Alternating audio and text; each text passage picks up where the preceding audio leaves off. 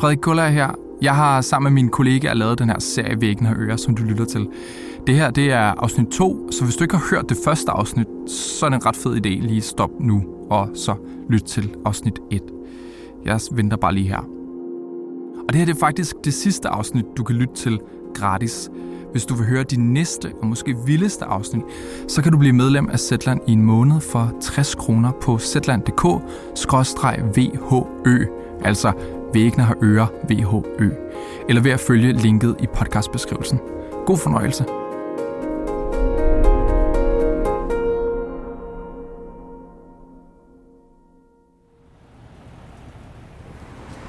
Mohammed, er du klar til at få en følelse af, hvad det vil sige at være spion for den danske stat og ikke have en bil? Ja, jeg har heller ikke været derude. Nå nej, det er første gang, du skal ud og se det. Gud, så er jeg nærmest en turistguide. Lige præcis. En tidlig efterårsmorgen på Islands Brygge i København står min kollega Mohammed Bakker Sabar og jeg og venter på en helt særlig bus. Så måske skal vi dele bussen med en masse spioner, hvis arbejde er meget, meget hemmeligt. Jeg glæder mig også lidt til at se, hvordan de ser ud, de spioner. Ja, Hvad for noget tøj, de har på. Mohammed er den type, der både kan læse statskundskab på universitetet og arbejde som journalist ved siden af. Og da han begyndte på Zetland for nylig, blev hans første opgave at assistere mig med den her serie. Finde nyhedsklip, researche, printe agtindsigter. en af de øh, tidligere spioner, som jeg har talt med, tog den her bus næsten hver morgen. Og vedkommende havde den her tur. Den er også lang. en rigtig Den lang er tur. rigtig lang, ja. Men jeg vil også introducere min nye assistent til en del af livet som spion i Danmark, som aldrig får nogen opmærksomhed, nemlig pendlerlivet. Godmorgen. Vi skal derfor ud og køre med spionbussen. Egentlig en ganske almindelig gul bus, men dens passagerer, i hvert fald nogle af dem, har jeg hørt er spioner. Jeg tror ikke, det er meget godt at blive lidt i bæreste pladsen. Kører man med bussen en times tid, stopper den lige foran Danmarks hemmeligste arbejdsplads, Sandergård, Forsvarets efterretningstjenestes tekniske hovedkvarter på det sydlige Amager. Her bliver ufattelige mængder kommunikation fra hele verden indsamlet, fra internetkabler dybt i undergrunden og fra satellitter i kosmos. Jeg vil gerne kunne fortælle dig, hvad det er for noget, man har opfanget, og som har betydet alt muligt, man forhindrede, men det er alt sammen hemmeligt, så who knows. Og dem, der arbejder med den slags spionage, hackere, teknikere og kodebrydere og svæver til kollektiv trafik, står hver morgen på spionbussen. Mit navn er Frederik Kuller, og vi er nået til andet afsnit i serien Væggene har ører. Vores mission er at finde ud af, om den detroniserede og nu tidligere spionchef Lars Finsen har røbet statens dybeste hemmeligheder, eller om Finsen er offer for en mulig konspiration, som nogen hævder. Hvis du ikke har hørt første afsnit, så tryk pause og kom tilbage. For i første afsnit fortalte jeg om en bøfmiddag, jeg var til for fire år siden. Hej, Måns. Her mødte jeg en mand, der havde været hacker i Forsvarets efterretningstjeneste, og det er en set noget, der havde gjort ham så vred, at han tog den meget dramatiske beslutning at afsløre det som whistleblower. I det øjeblik, der væltede hackeren den første dominobrik i den sag, vi nu prøver at vikle vores hjerne omkring. Lars Finsen her er i den grad kommet i søgelyset i den her uge, og det er noget af et paradoks. Og i det her afsnit, der forsøger jeg at finde ud af, hvad det var, whistlebloweren så inde i skyggerne, inde på sin arbejdsplads, Forsvarets efterretningstjeneste, og hvad der motiverede ham til at afsløre det.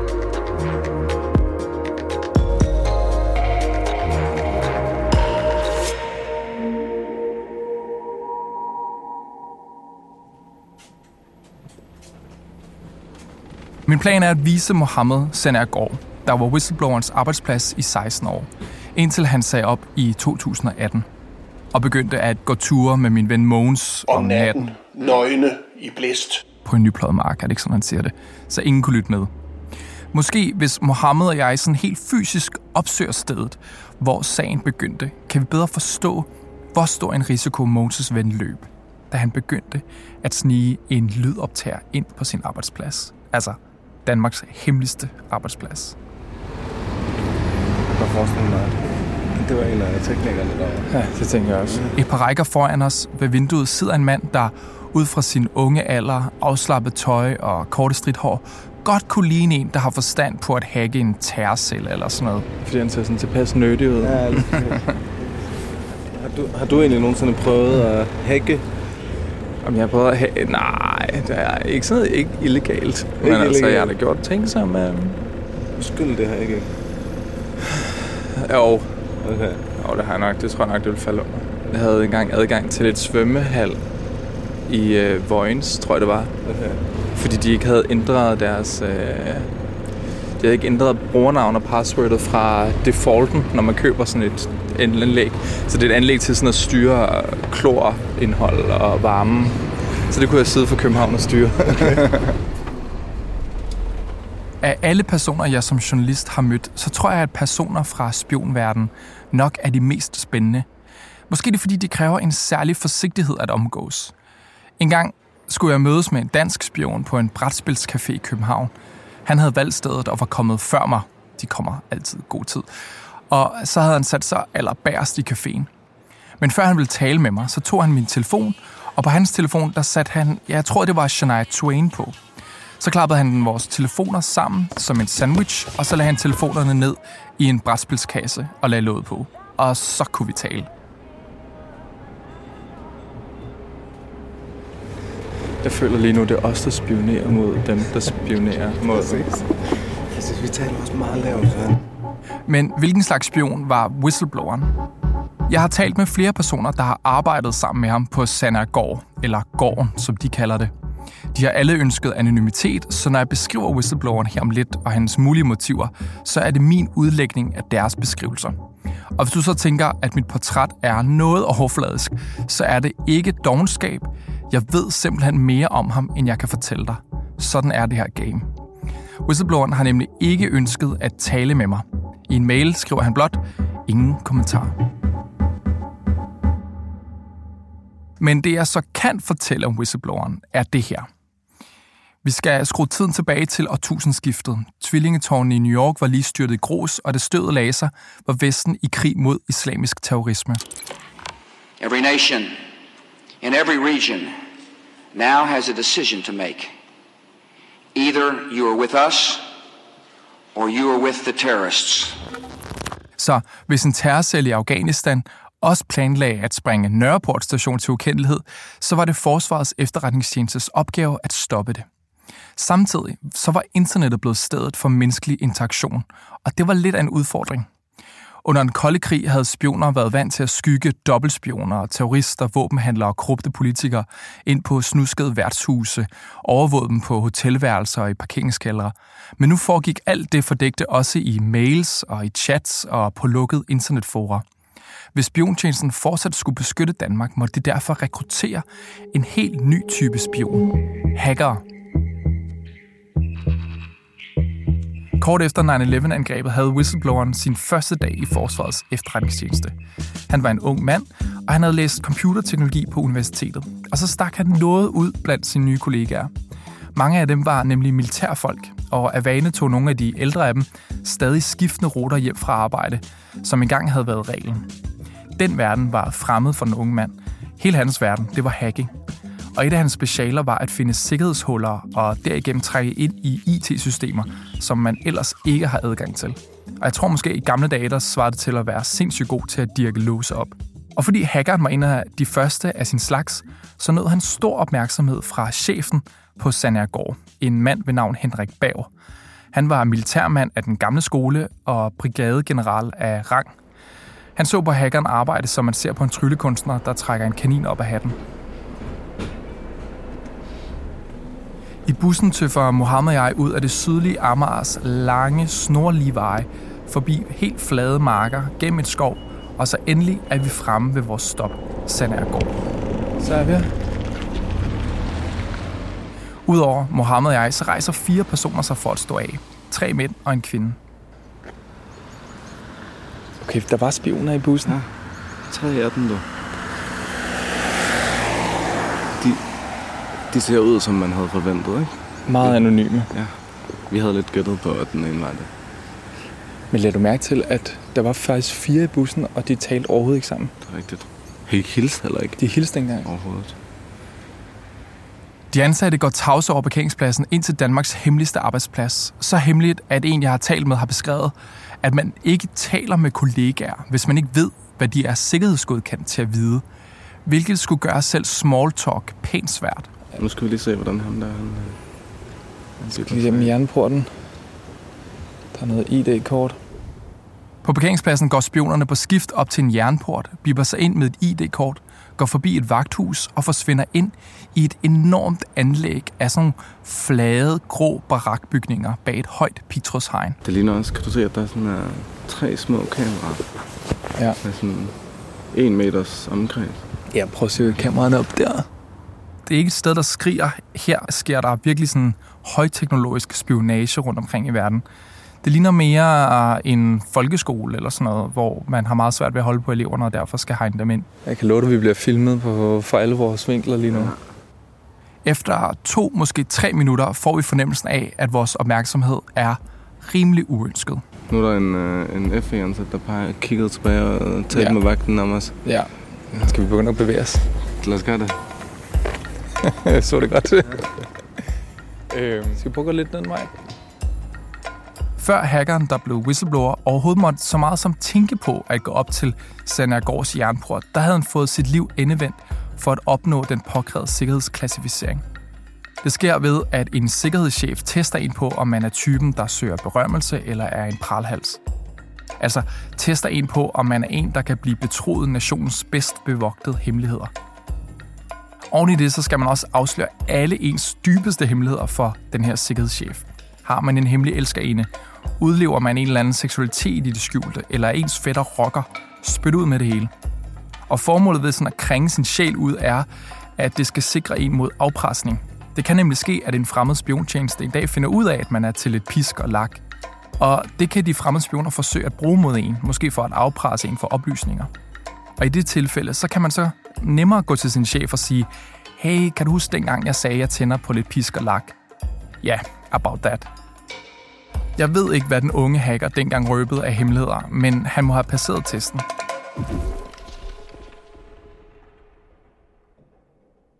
Jeg har fået den her unge hacker, der altså senere bliver whistleblower, beskrevet som en meget blid, rolig og venlig mand, generøs med sin viden og fattet i spidse situationer.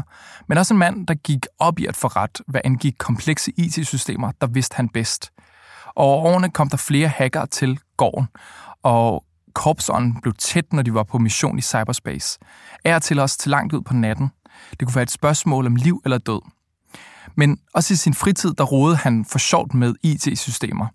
Et år meldte whistlebloweren sammen med nogle kollegaer og andre dygtige hackere sig til det uofficielle hacking-verdensmesterskab, DEFCON.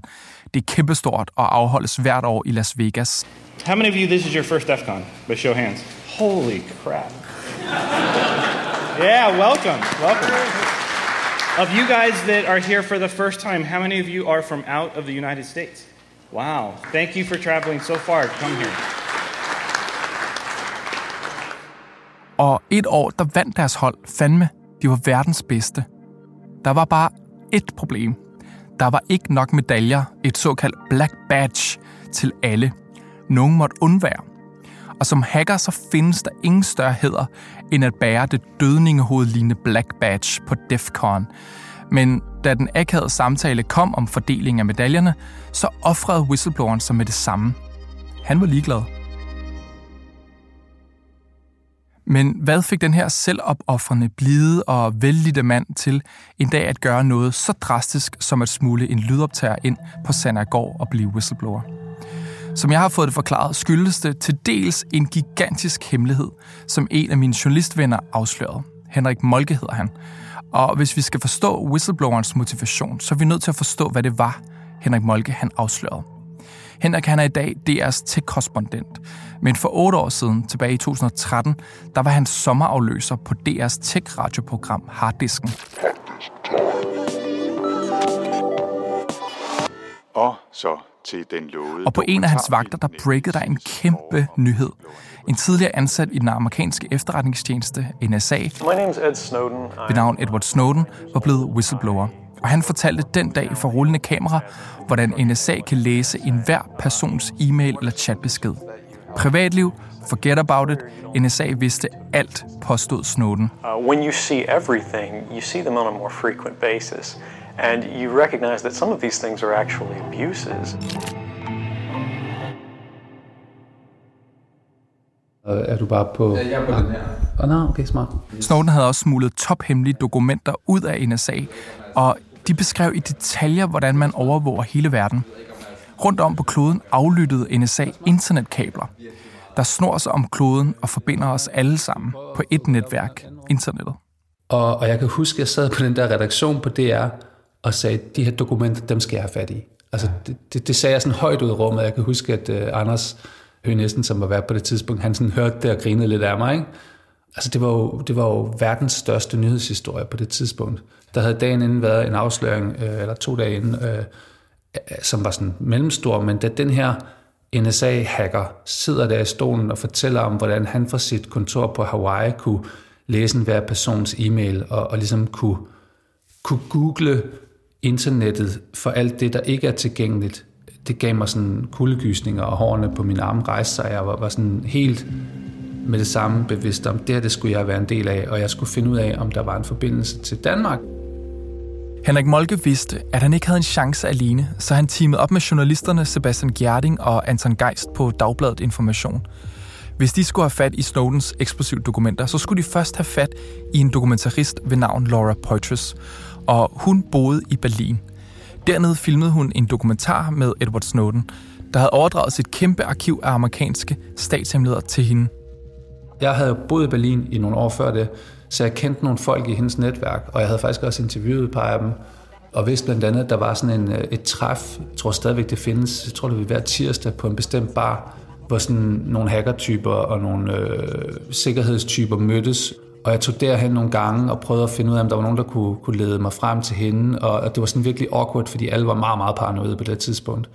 Jeg husker, øh, jeg stak en bestemt person et stykke papir, hvor jeg ligesom havde skrevet ned i hånden, at jeg var den her journalist, og jeg rigtig gerne ville tale med hende. Og det kom der ikke rigtig noget ud af. Alle ville på det tidspunkt tale med Laura Poitras. Alle ville læse, hvad NSA lavede i skyggerne. Men utrolig nok så lykkedes det de to danske journalister at få sat et møde op med hende. Vi mødes på en café i, øh, i, i Mitte i Berlin, og, og snakker med hende, overtaler hende. Øh, jeg tror også, vi underskriver en kontrakt, øh, fordi det har jeg jo selv arbejdet med senere. Der var ikke nogen, der fik adgang til dokumenterne, før de havde underskrevet en kontrakt, for ligesom at være sikker på, at man overholdt nogle sikkerhedsretningslinjer, og, og der var noget juridisk øh, beskyttelse, både af hende, men, men også øh, hvis der skulle ske fejl og sådan noget vi underskriver den her kontrakt, og så får vi så fysisk de her øh, dokumenter her på, på papir. Det var tophemmelige NSA-dokumenter. Et af dem beskrev, hvordan de amerikanske spioner op til og under FN's klimatopmøde i København i 2009 havde udspioneret de andre landes forberedelser for ligesom at kende deres forhandlingspositioner. Det her var en kæmpe afsløring af USA's snedige magtspil vi forlod den der café og sagde pænt farvel til hende, og så var Sebastian og jeg sådan helt øh, high five ikke? Og så samtidig også pludselig utrolig paranoid, fordi vi havde det her, altså det, på det tidspunkt var det jo så sindssygt at være med i den her historie, og det var det suverænt største, der var sket i min karriere. Det må jeg ærligt om. Jeg har aldrig prøvet at have noget i lommen eller i min taske, som var så farligt et eller andet sted. Og, og vi forestillede os jo, at alle mulige kunne finde på at følge efter os, og, og det var farligt at have de her oplysninger her det var jo ikke sikkert, om på det tidspunkt regeringerne ville gå efter de journalister, der var med til at, at lave journalistik om de her dokumenter. Så vi, øh, vi gik sammen, jeg tror nærmest, vi gik direkte ned i øh, Saturn, som er sådan et øh, elektronik supermarked på Alexanderplatz, og købte en billig laptop for kontanter, som vi havde taget med. Vi var virkelig godt forberedt. Og så tog vi samme aften ud til øh, Chaos Computer Club, som er sådan et hacker organ i Berlin, hvor jeg kender nogle mennesker, og, og som jeg tit har brugt som, øh, som kilder, og, og mødes med nogle af deres sikkerhedseksperter, og få ligesom fremstillet den aften den mest sikre laptop, man overhovedet kunne forestille sig. Frygten var, at nogen ville forsøge at hacke dem. Måske som et forsøg på at stoppe dem i at afsløre NSA. Vi fjernede simpelthen harddisken, vi fjernede alt, der kunne kommunikere, og så købte vi en øh, CD-brænder, og en scanner havde jeg liggende, og så tog vi hjem i min lejlighed og sad der og altså med kuldegysninger og spænding og scannede de her dokumenter ind Og så brændte vi dokumenterne ude i køkkenet over håndvasken. Og vi var jo sådan, man er jo sådan helt, altså man har utrolig meget adrenalin i kroppen, så vi var også utrolig klodset og sådan giddy som sådan nogle, sådan nogle teenager, ikke? Afsløringen om NSA's spionage under klimatopmødet i København udkom i 2014 på forsiden af Information. Og den fåede et nyt kapitel til klimatopmødet, hvor landene ikke kunne blive enige om at reducere deres CO2. Og statsminister Lars Løkke til sidst var så træt, at han talte sort det meste af tiden.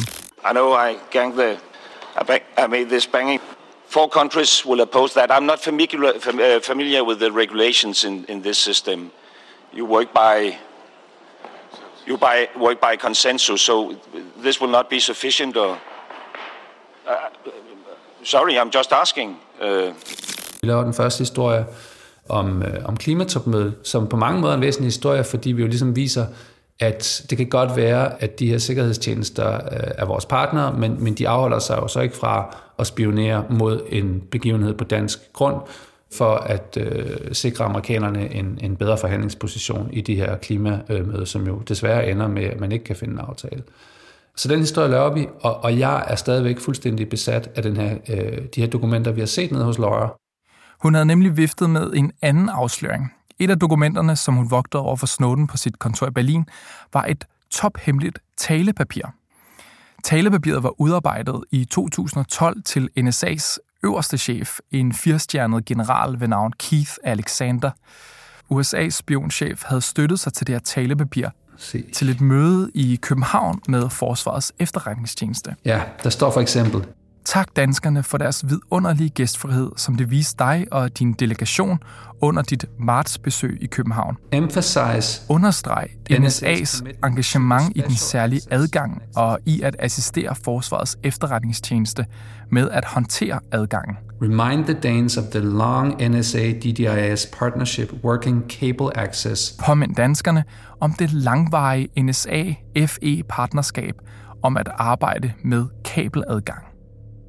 Kabeladgang. Det var den rygende pistol, Henrik Molke havde let efter. I talebilledet stod der sort på hvidt, at NSA's verdensomspændende spionage til dels var takket være et tophemmeligt samarbejde mellem dem og så Forsvarets efterretningstjeneste om at tappe internetkabler i Danmark for kommunikationsdata. Og spionage i så enorm skala i lille Danmark, det var potentielt en gigantisk afsløring. Jeg, jeg var jo nok den, der var mest besat af den der kabelhistorie, men de andre kunne sagtens se potentiale i den. Det var bare en, en svær historie. Men den var svær, fordi talepapiret i sig selv ikke var bevis nok. Så endnu en gang rejste Henrik Molke til Berlin. At komme op i, i det her studie her, hvor hun jo sidder og laver den her film her, som virkelig også er bare omgivet af ekstrem sikkerhed og, og mystik. Og denne gang fik han adgang til hele Snowdens arkiv med dybe hemmeligheder. Det er sådan noget med, at jeg skal aflevere telefonen, når jeg træder ind ad døren. Jeg får lov til at komme ind i et rum sammen med hende, hvor hun så sidder bag ved sit store skrivebord med, med kamera og, og skærme, og så vender hun, drejer hun ligesom en skærm om og giver mig et tastatur, så hun har to spejlede skærme, så hun kan sidde og følge med i, hvad jeg kigger efter i arkivet, fordi hun ligesom vil være sikker på, at jeg ikke begynder at, at kigge efter alle mulige ting, som ikke er relevante for, for vores øh, historie. Altså et spejl? Ja, hun har simpelthen spejlet skærmene. Så kan hun følge med i, hvad jeg sidder og kigger ind i arkivet efter. Og så prøver hun jo så at få noget arbejde lavet, mens at jeg så sidder og går i gang med at søge. Og det var virkelig det vildeste for mig. At få selve kildedokumenterne direkte adgang, kan sidde og læse navnene på medarbejderne i NSA, kan sidde og, og søge på, hvad jeg vil, bortset fra, at hun jo så ville følge med i det, og arkivprogrammet i øvrigt havde en log, så man også kunne se, hvad, hvad der var søgt på. Altså, det var svimlende for mig. Henrik sad og gloede ind i USA's allerdybeste hemmeligheder. Hemmeligheder kun en lille kreds af NSA-spioner, og måske præsidenter og deres folk er betroet med. Og det var nu eller aldrig, hvis han skulle finde flere forbindelser mellem NSA og den danske efterretningstjeneste. Laura er meget, meget venlig og, og, og sådan stille, høfligt menneske, men på den tidspunkt er hun sådan, nu, nu er det nok på tid, du skal afsted og sådan noget, og jeg nærmest ikke øh, rejste mig for at gå på toilettet i, i hele den der periode, hvor jeg sad og søgte. Jeg glemte at drikke vand, og lige pludselig havde hovedpine, fordi jeg bare skulle bruge tiden. Øh, og Hvor lang tid sidder du der? Ja, jeg husker det som om, det var sådan 5-6 timer i streg, ikke? Og hvor jeg var, sådan, jeg var helt svimmel og dårlig bagefter. I I arkivet fandt Henrik Molke flere dokumenter om kabelsamarbejdet. Hvert dokument var en brik i et enormt puslespil. Og efter måneders intensivt gravearbejde med journalisterne på Information og et par Berlin-ture mere, kunne de med sikkerhed sige, at NSA overvågede internettet sammen med Forsvarets efterretningstjeneste, der i Danmark har adgang til et eller flere knudepunkter for internetkabler. Og et år senere, i sommeren 2014, ramte afsløringen informationsforsiden. Den lød, Danmark ser ud til at være blandt de lande, der medvirker til at opfylde NSA's målsætning om at kunne opfange enhver elektronisk kommunikation hvor som helst i verden. Dengang ønskede forsvarsministeren på det tidspunkt, Socialdemokraten Nikolaj Vammen, ikke at kommentere det påståede kabelsamarbejde med USA. Men han sagde, at det er i Danmarks klare interesse, at vores efterretningstjeneste samarbejder med andre landes efterretningstjenester, men det er selvfølgelig vigtigt at understrege, at det skal ske inden for dansk lov, og det gør det også.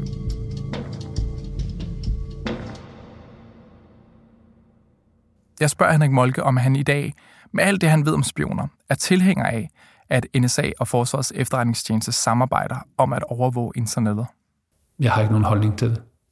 Når man bruger så lang tid på at sætte sig ind i, øh, i, i en eller anden verden, så bliver man jo også et eller andet sted en del af den. Og jeg, jeg, jeg må sige, at efter at have brugt så lang tid på at, at grænske de her dokumenter fra, fra, fra Snowden, har jeg en langt større forståelse for den verden. Jeg vil ikke kalde det sympati, men jeg forstår den øh, bedre. Og den danske efterretningsverden ligner den jo på mange måder i, i mindre målestok. Er det ikke bare, fordi du er blevet omvendt? Nej, det, det, det, det, altså jeg, jeg synes ikke, jeg er blevet omvendt, fordi jeg ikke kom fra en position, hvor jeg havde en klar holdning, men det var en fascination, som var stor, og det er den egentlig stadigvæk. Men, men i kraft med, at man, man, man bedre forstår det, man undersøger, så vil man jo også et eller andet sted øh, er jeg blevet omvendt? Nej, jeg er ikke blevet omvendt, men, men jeg er ikke mistænkt som, øh, som udgangspunkt. Henrik Molke har en god pointe her. Bare fordi spioner arbejder i skyggerne af, hvad vi må vide, betyder det ikke, at det, de går lavere dagen i skyggerne, er ulovligt eller farligt for almindelige mennesker. Men hvis det er ulovligt, eller hvis det er farligt, ja, så er det også umuligt nærmest at finde ud af. Med mindre selvfølgelig, at nogen whistleblower. Inde bag pigtrådshegnet på Sandærgård blev kabelafsløringen nærlæst af de danske spioner. Det må have føles utroligt bizart. Det var jo dem og deres NSA-kollegaer, der var blevet afsløret i at kigge folk uden for Danmarks grænser over skulderen. Hvilke hjemmesider de besøgte, hvad de googlede, hvad de skrev til venner, kærester eller forretningspartnere. Den her internetspionage måtte ikke rettes mod personer i Danmark. Det var en streng regel, der ifølge mine kilder blev overholdt i meget vid udstrækning, fordi ja, det er simpelthen loven. De danske spioner må kun overvåge personer i udlandet, og samme strenge regel galt angiveligt også for NSA. Ingen spionage i Danmark fra internetkabler i Danmark. Det var helt forudsætningen for et samarbejde. Men allerede inden at Snowden han trak bukserne ned på NSA, der var den her hacker, der blev whistleblower, mistænkelig ved de amerikanske spioner. Det udstyr, som de brugte ud på gården til at overvåge kabler, var bygget af NSA, det var installeret af NSA, og det var vedligeholdt af NSA. De var fedtet ind i NSA. Og hvordan kunne de danske spioner egentlig vide, at de amerikanske spioner ikke udnyttede samarbejdet med dem til også at udspionere personer i Danmark? Der var trods alt masser af dansk data i de her kabler. Ifølge mine kilder var whistlebloweren angiveligt dog ret alene med den her mistanke. Og mange af hans kollegaer har sidenhen tolket det som en dybere sådan ideologisk modstand mod USA. Når kilder beskriver ham, så nævner de alle sammen, nærmest som det første, at whistlebloweren er socialist, som i sådan revrød socialist. På den måde, hvor man også er antiimperialistisk, altså har et problem med stormagter, der trumler og udnytter mindre lande. Så derfor var det måske nærliggende for ham at få den mistanke, at forsvarets efterretningstjeneste kunne blive udnyttet af amerikanerne.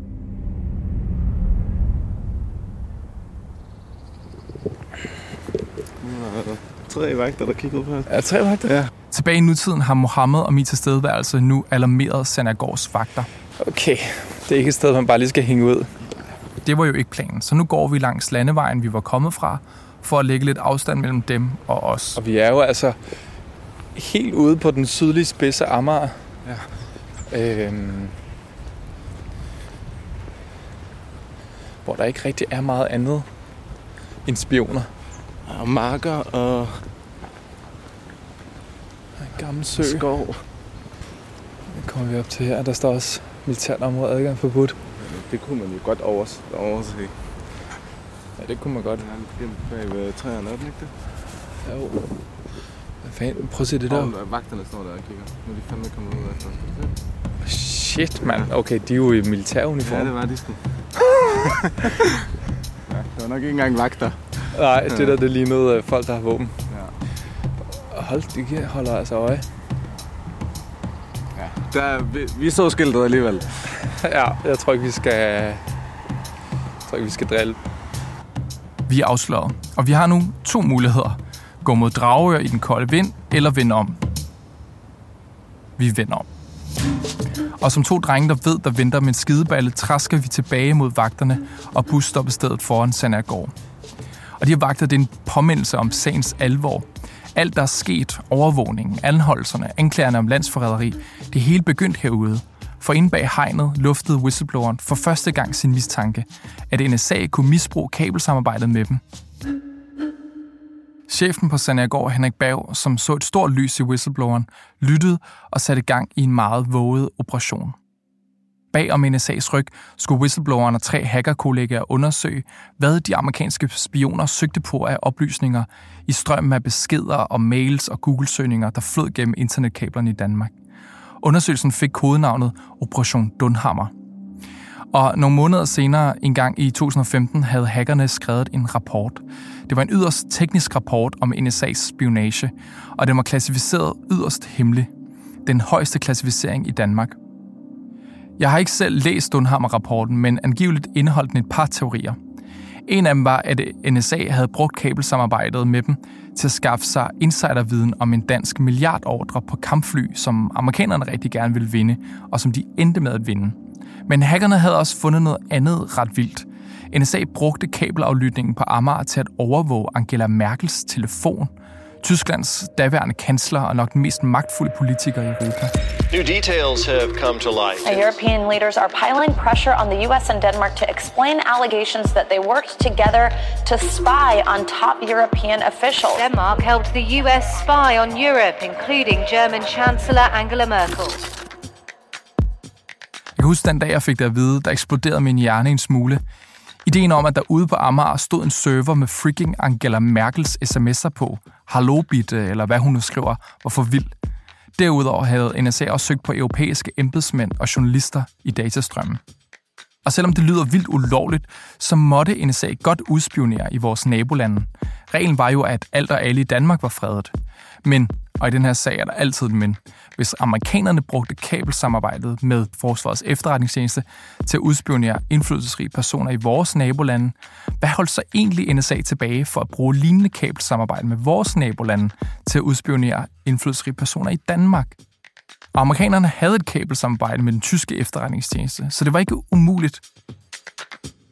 Men alt de her teorier, det var for spekulativt, mente ledelsen i Forsvarets efterretningstjeneste angiveligt, da de havde læst Dunham-rapporten. Men whistlebloweren, han var helt uenig. Han stod fast på, at kabelsamarbejdet udgjorde en risiko for Danmark. Hans chefer var mere lojale over for USA end over for Danmark. Det var den eneste forklaring, der måtte være. Og det der får mig til at tænke på noget, som Mogens sagde til mig, da jeg besøgte ham. Men man bliver jo også langsomt trukket ind i et spind, fordi når man får alt muligt kæmpestor hjælp fra storebror, Ja. øh, og storebror så også siger, jeg vil egentlig godt også lige øh, kigge med, når du er sammen med kæresten. Øh, men så skal jeg nok sørge for, at der ikke er nogen, der slår dig. Mhm. Mm-hmm. Så bliver det jo lidt et dilemma, man står i. Ikke? Men hvis whistlebloweren skulle bevise, at han havde ret i sin mistanke, at NSA udnyttede det her kabelsamarbejde, så måtte han i gang med sin helt egen, meget tophemmelige undercover-operation. En dag sne han en optager med ind på Sandergård, og til møder med chefen på gården, ham her Henrik Bav, den her brigadegeneral, der drejede hackeren samtalen over på NSA og kablerne, og så optog han det hele i smug. Han båndede også samtaler med sine kollegaer. Og i den periode, der begyndte nogle af de her kollegaer at blive pænt døde i blikket, når han igen og igen plabrede om NSA dit og NSA dat. En kilde fortalte mig, at det var tydeligt for alle, at whistlebloweren var blevet som besat af NSA og de her mistænkeliggørende teorier. Men ingen af hans kollegaer havde i deres vildeste fantasi forestillet sig, men den her ellers vældige hacker vil gå så langt som at optage deres private samtaler. Det er svært at tilgive, som en sagde til mig. Whistlebloweren båndede også samtaler om kabelsamarbejdet med sin øverste chef, Danmarks spionchef Lars Finsen.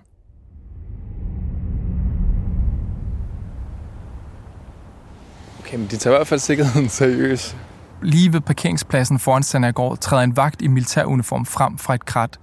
Bag ham kommer en anden vagt på en cykel. Ja? øh, Vi har ikke kamera. kamera. Okay, hvad er det, I går med foretage? Vi laver en podcast. Okay. Det Altså- er lidt det falske sted at gøre det. Hvorfor det? Med sådan noget udstyr der. Hvorfor? Fordi som du nok har set, så er det et militært øh, etablissement. Ja. Og der står også, at man heller ikke må filme. Vi filmer, vi filmer heller ikke noget. Og lige nu der er der også militærområde. Ja. Vi tog bare bussen herud. Hej. Ja, til hvad? Det er vagten på cyklen. Til en podcast Omkring? om hele FE-sagskomplekset. Okay. Og så vil jeg vise min kollega Mohammed. Jeg har været herude en gang og kigge. Ja. Og han har aldrig set stedet. Nå, okay. Og det er jo, det er jo en central øh, lokation for historien. Så Ja. derfor vil vi lige ud og, og se med vores egne øjne og optage lidt lyd herude. Ja, det er også fint nok. Ja. Øh, Men vi skal lover ikke at I filme. skal, I skal ikke filme, nej. Nej, det gør vi ikke. Vi har ikke noget kamera frem overhovedet. Det var, når I står med den der, så bliver folk sådan... Øh, vi, er, vi får opkald fra medarbejdere, der bliver bekymrede over, at I render rundt herude. Okay. Når der går nogen rundt med noget lytteudstyr, eller det kan det jo lige, Ja. så vil vi gerne vide det. ja. Kommer der tit nogen herude og står og, og kigger? Vi. Altså, der er jo selvfølgelig en grund til, at vi, vi reagerer. Ja. Ikke? Ja. Øh, og det, vi nu snakker om, det kommer ikke med på, på noget optagelse, vel? Jo, det gør det. Okay. Fordi vi går bare rundt her og optager. Ja, ja, men altså, når vi nu har haft den her samtale, Ja. ja, det, det skal ikke med nogen steder. Nej, men det, det tror jeg, vi selv må bestemme, Okay. om vi må bruge det.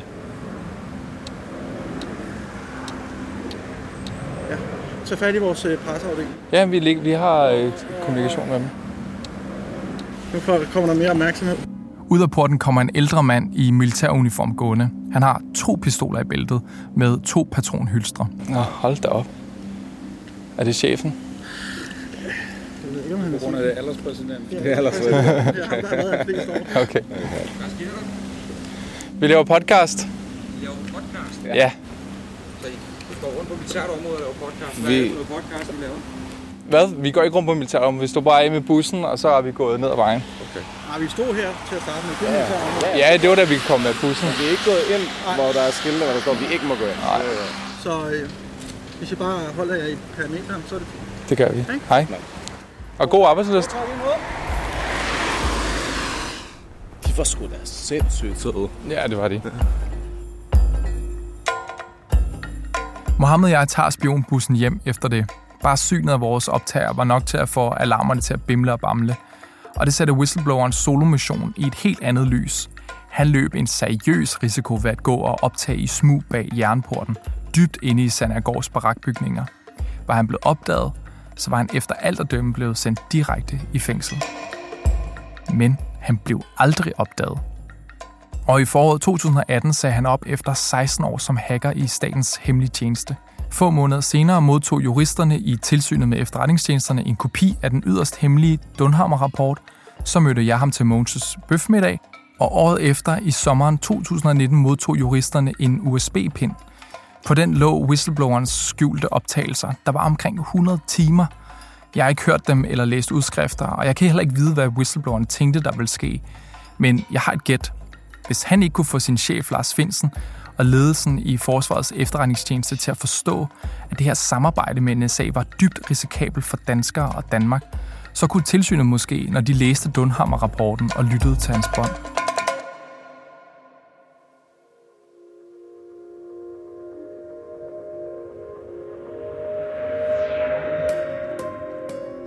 I næste afsnit af Væggene har ører. Hvad så? Du skal spørge noget. Den var vel også sådan ret uh, spændt, ikke også? Fordi der var sådan et lidt anstrengt uh, forhold. Jamen, jeg vil høre dig, om øh, jeg kunne låne øh, din hund, Bobby. jeg lover dig, der er en plan med det. Ja. Jamen, han gik jo rundt og optog øh, helt ukritisk, øh, jo nærmest også rengøringsdamer, hvad de mente og sådan noget der. Det var helt vildt. Prøv at høre, når man arbejder med spioner, så må man tænke som en spion. Det sted, der er til hovedet, det der. Det er paranoia.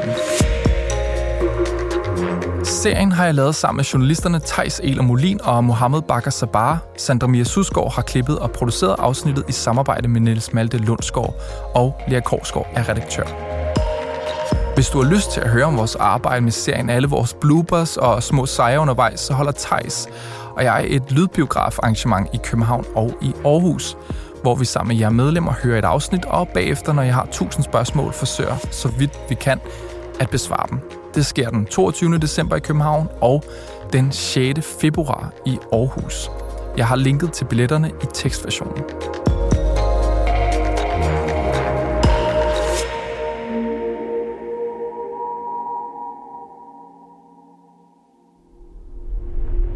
Det var andet afsnit, og som jeg nævnte i begyndelsen, så udgiver vi ikke flere afsnit her, hvor du kan høre dem gratis. Så hvis du vil høre resten af serien, Væggene har ører, og det håber jeg virkelig du vil, så kan du blive medlem af Zetland. Du får den første måned for 60 kroner, og så får du selvfølgelig også alle de andre ting, vi laver på Zetland. Og det er ikke så lidt. Det er to sindssyge historier hver dag. Nyhedsoverblik, nyhedspodcast, morgenoverblik. Jamen, jeg kan ikke engang holde styr på det, for så mange ting, vi har gang i. Så ind og bliv medlem. Også så du kan høre den her sag. Tak fordi du lyttede med.